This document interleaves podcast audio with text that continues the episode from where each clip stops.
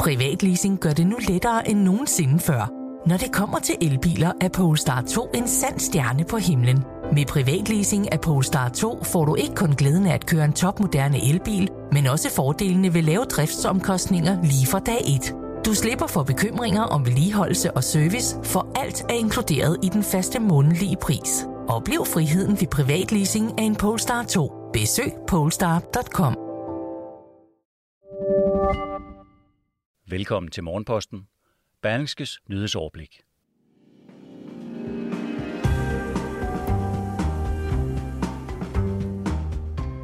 Antallet af indlagte med corona er nu det højeste siden februar.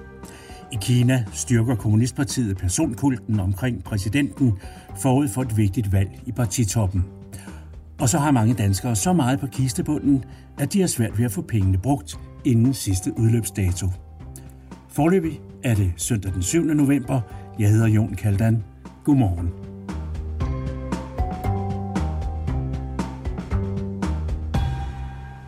Vi begynder dagens nyhedsoverblik i sundhedsvæsenet, hvor et stort sygefravær koster kassen, og til sydenladende er svært at forhindre. Trods en årlang indsats for at nedbringe sygefraværet i den offentlige sektor, så melder hver eneste af landets knap 100.000 social- og sundhedsansatte sig i gennemsnit syg mere end tre uger om året, skriver Berlingske. Omkring 72.000 fuldtidsbeskæftigede på sosuområdet i kommunerne havde sidste år et gennemsnitligt sygefravær på godt 17 dage. Det viser en analyse fra firmaet K. som Mulvad på baggrund af tal fra regionernes og kommunernes løndatakontor. I 15 kommuner meldte en SOSU-medarbejder sig i gennemsnit syg i fire uger eller mere. Særligt kommuner i hovedstadsområdet er ramt af sygefravær blandt gruppen af medarbejdere, som primært udgøres af social- og sundhedsassistenter og sygehjælpere. Ud af de 25 kommuner med det højeste sygefravær blandt de socioansatte i 2020, er over halvdelen i Region Hovedstaden. Undersøgelser peger på, at sygefravær i Danmark koster samfundet over 40 milliarder kroner om året. Og midt i en kommunal valgkamp, der i høj grad handler om at tilbyde borgere mest mulig velfærd for pengene, får tallene nu fagfolk, eksperter og tillidsfolk flere steder til at tale om en usund kultur, hvor medarbejderne er pressede og i nogle tilfælde måske er hurtigere til at melde sig syge end godt er. Det høje sygefravær i 2020 i sundhedssektoren kan ikke alene tilskrives coronaepidemien, men covid-19 lagde et ekstra hårdt pres på en i forvejen presset sundhedssektor. Christian Heunicke er direktør i Kommunernes Landsforening, der i sidste ende er arbejdsgiver for sociomedarbejderne i kommunerne. Han siger, at man har enormt fokus på sygefravær blandt de socioansatte. Det er et højt tal, og jeg undrer mig da også, men det handler ikke kun om tallet. Det er også et spørgsmål, om vi har sosuer nok i en tid med mangel på varme hænder, siger han.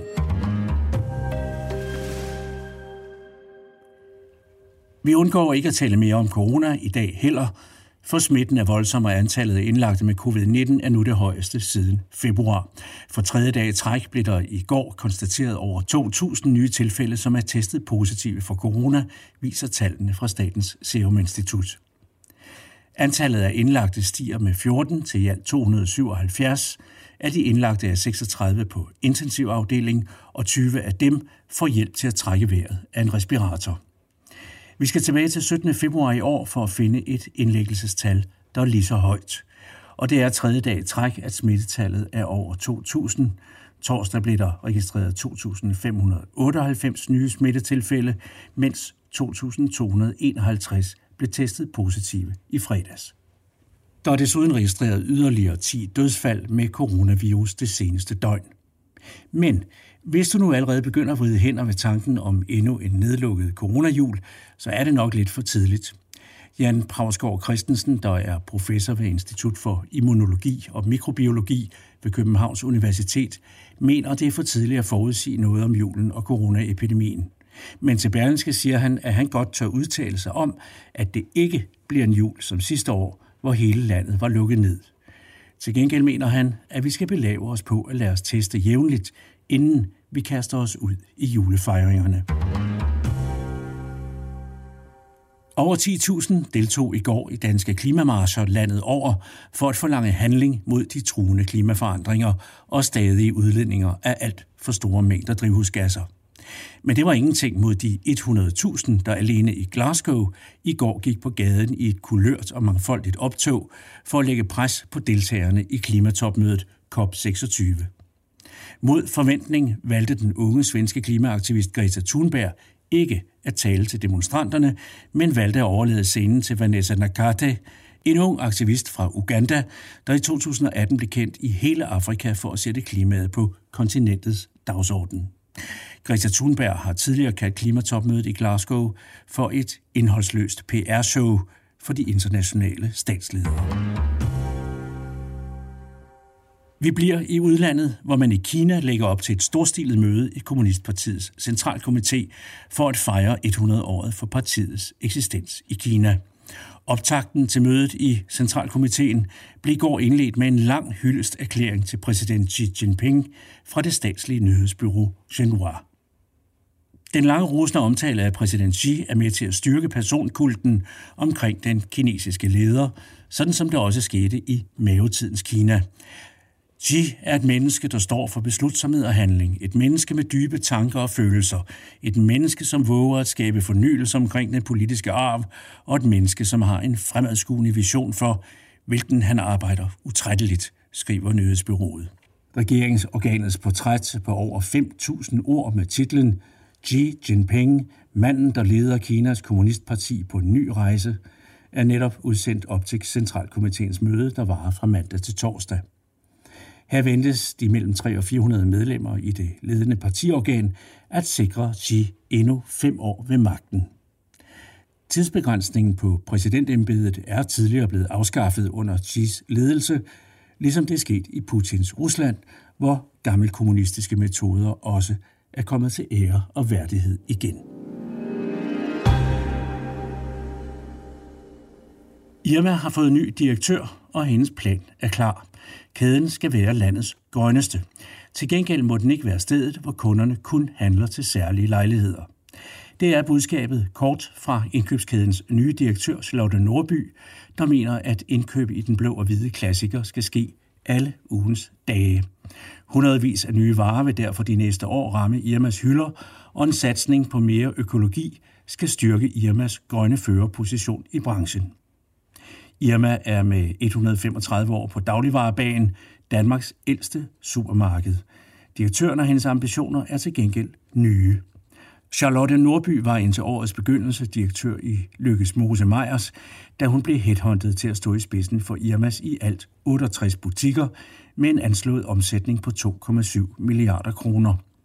Hendes ambition er blandt andet at udvide Irmas eget varebrand med 500 varer og så skrue kraftigt op for økologien og det grønne.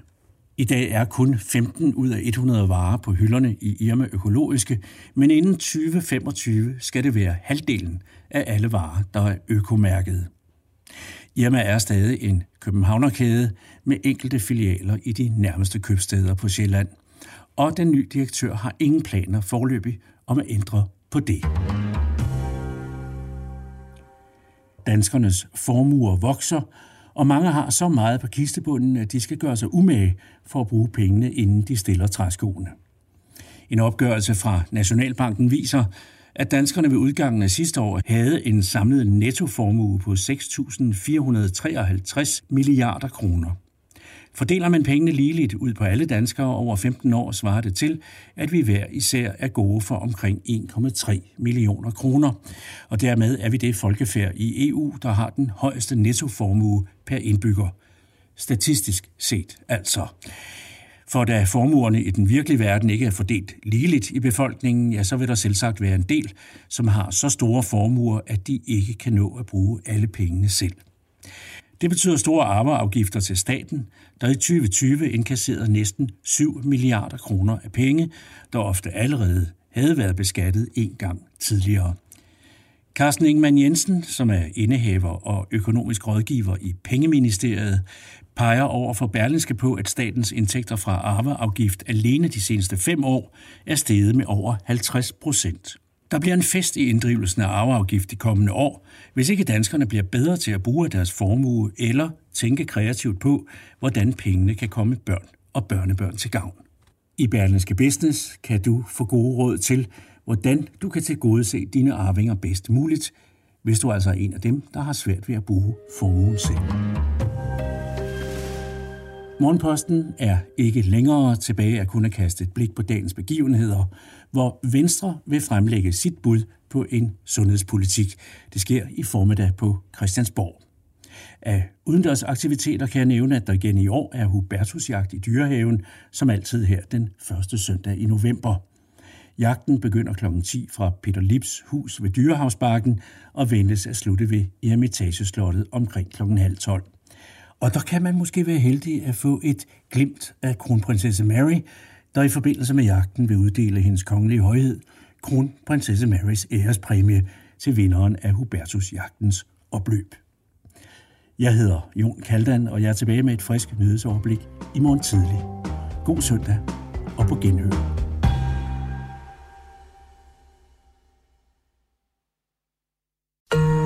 Podcasten er sponsoreret af EGN. Bliv en del af en professionel netværksgruppe med folk, der forstår dig. De kan hjælpe og inspirere dig gennem dit arbejdsliv, så du hurtigere finder de gode løsninger.